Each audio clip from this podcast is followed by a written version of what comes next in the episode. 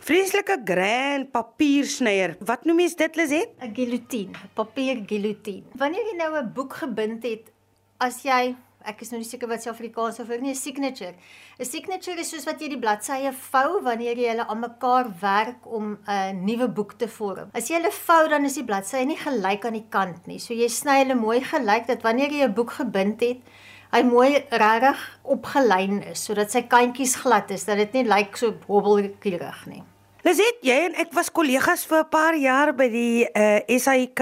Jy was 'n argivaris vir 'n hele paar jaar en dis lekker vir my om hier te kan staan in jou huis en om te sien hoe jy nou jou tyd omkry is dit nou nou dat jy klaar gewerk het, het uitgetree en dis nou hoe jy jouself besig hou. Jy maak notaboeke. Hoe het daai belangstelling ontstaan? Dit was eintlik interessant. Ek het toe ek nou geweet het ek gaan ophou werk, het ek saam met 'n vriendin 'n kursus gedoen oor boekmaak en boek herstel. Ek ehm um, restoreer wel nie boeke nie. Ek herstel maar net ou stukkende boeke vir mense.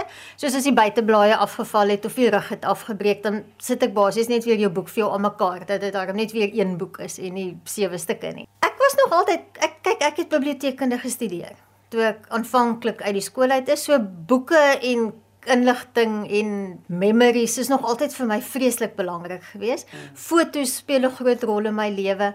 So ja, toe ek nou bietjie dink waarmee gaan ek my besig hou nou in die dag dat dit nie te lank raak nie. Toe het hierdie boekmakers so half op my pad gekom op die regte tyd en dit het net pos gevat. Ek is mal daaroor. Dis vir my lekker. Dis vir my lekker om veral baie bejaardes se gewone ou harde swartband Bybel val al uitmekaar uit. Maar hulle kan mos nou nie 'n nuwe Bybel gaan koop nie. Wat van al daai sentiment wat in die Bybel is? En dit byvoorbeeld, dis vir my so lekker om daai Bybel vir hulle net weer 'n nuwe buiteblad te gee, die losbladsye vir hulle vas te plak en die gesig te sien as jy daai Bybel weer vir hulle teruggee. Al die sentimente is nog daar, al die onderstrepe is nog daar, al die bygeskryf is nog daar, maar dis weer in een stuk.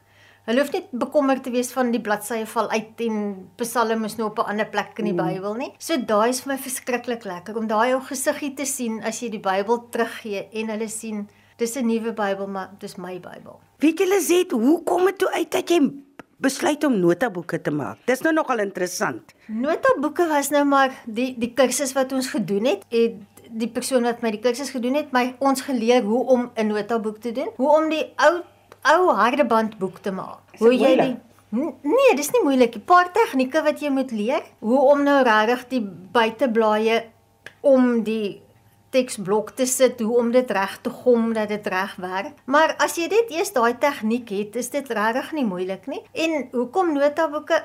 Almal van ons het 'n notaboek nodig. Ja. Jy het altyd 'n ou boekie nodig om iets in te skryf. Anders het mens mos 700 papiertjies en die papiertjies is almal weg. En 'n kliënt het eendag by my gekom en gesê hy soek 'n notaboek, maar daar moet asseblief fotos in wees. Dis vir sy pa se 80ste verjaardag gewees. Hy het familiefotos wat vir die oom belangrik is kan ek dit insit? En dit is die wonderlikste idee en dit werk so goed. Ek sit basies so, kom ons sê nou maar in 'n 96 bladsy notaboek sit ek vir die mense so 12 na 16 fotos. Tussen die gewone bladsye so, jy skryf jou notas, jy skryf jou ding wat jy wil skryf en dan verras dit jou so halfuur se foto van jou kleinkinders of en dis vir my so wonderlike idee en mense is mal daaroor om hulle hulle herinneringe van goed wat in hulle lewe gebeur het weer te sien. En baie keer wonder 'n mens mos, ek self, wat maak jy nou met al hierdie foto's wat jy het? En is dit nie stunning om jou eie notaboek te hê met jou eie foto's in wat jou herinneringe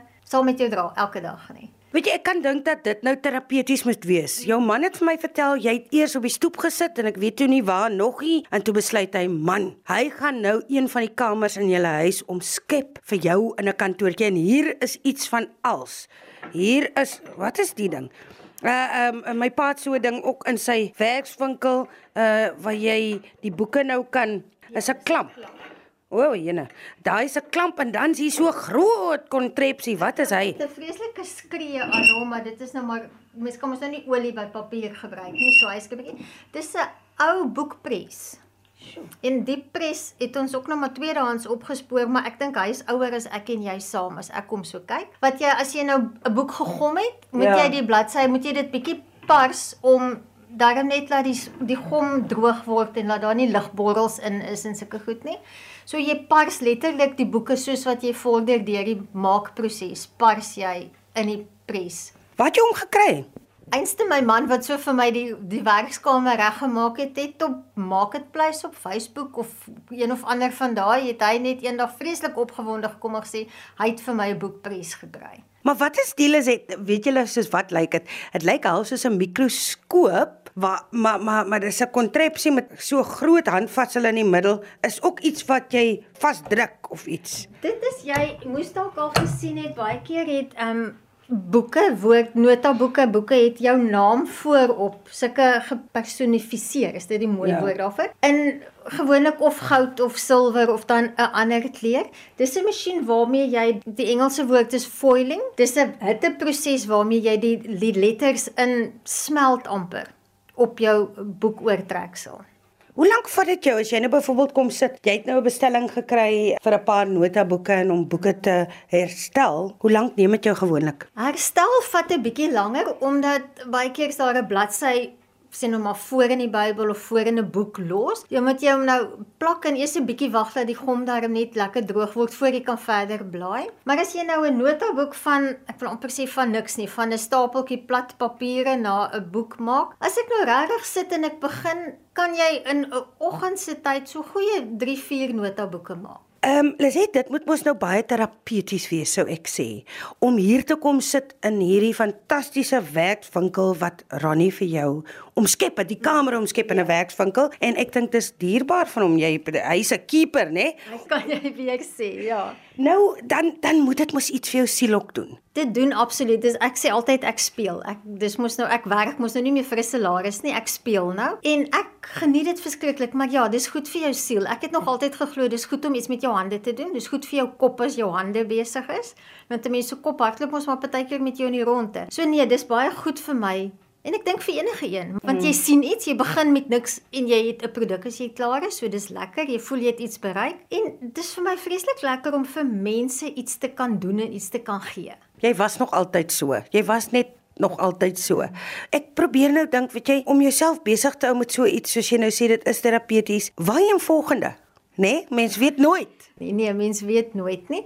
Ehm um, ja, ek hoop maar net dat ek sal kan follow met dit. Follow in die sin van dat daar nog steeds sal mense wees wat hulle ou boeke, hulle kinderbybel, hulle opgebruikte resepteboek, hulle kook en geniet of wat ook al wat nou al aan flarde gelees en gekook en gedoen is, vir my sal bring dat ek kan aanhou om daai gesig te sien as die boek weer in een stuk terug gaan huis toe. Hierdie groot masjien nou, wat maak jy nou?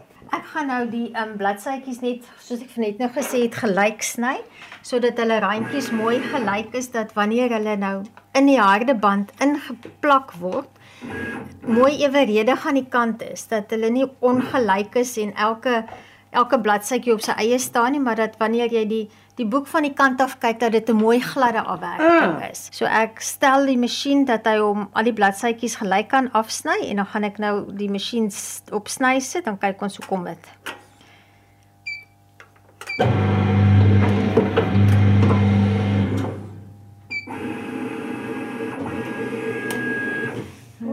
Sê, daar kan jy sien die bladsytjies is nou mooi glad.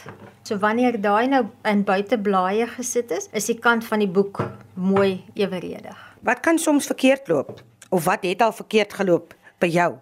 Daai ou gesegde van meet twee keer en sny een keer. Mm. Dit gebeur mos maar dat jy bietjie fokus verloor en dan sny jy heeltemal op die verkeerde plek of die goed is nou glad nie die grootte wat dit moes gewees het nie. Of selfs wanneer jy dan nou die teksblok in die buiteblaaie inplak, dit gebeur maar dat 'n mens 'n bietjie skeef is en dan lyk dit nog glad nie soos dit moes gelyk het nie. Maar ja, papier is vergewens. Jy haal maar uit, trek maar die gom los, plak maar weer vas. Dis lekker vir my dat jy gesê het en dit gaan my seker nou bybly dat dis wonderlik vir jou om iemand se gesig te sien wanneer jy vir hom daai boek gee. Uh dit kan 'n storieboek wees, 'n resepteboek, 'n boek wat jy by jou ma gekry het en hulle het jou dalk al ontval. Mm. en nou het iemand hom net vir jou so mooi nuwe baadjie aangetrek. Dit moet regtig baie doen vir 'n mens se hart en mens se siel, né? Dit doen om daai gesig te sien. Dis hmm. waar die ding inkom om daai gesig te sien. Ek het 'n ou Bybel byvoorbeeld vir iemand gehelp regmaak en net om daai amper verbasing te sien dat jy werklik waar dit weer in een stuk kan sit. So amper 'n ongeloof van is dit moontlik geweest om net weer al die stukke aan mekaar te sit dat dit nie meer los is nie, dat dit nie meer voel of jou Bybel uitmekaar uitgeval het nie. Daai gesig, dis die lekkerste daarvan. So jy mis beslis nie nou meer om te werk op kantoorie, nê? Nee, ek speel heeltemal te lekker nou.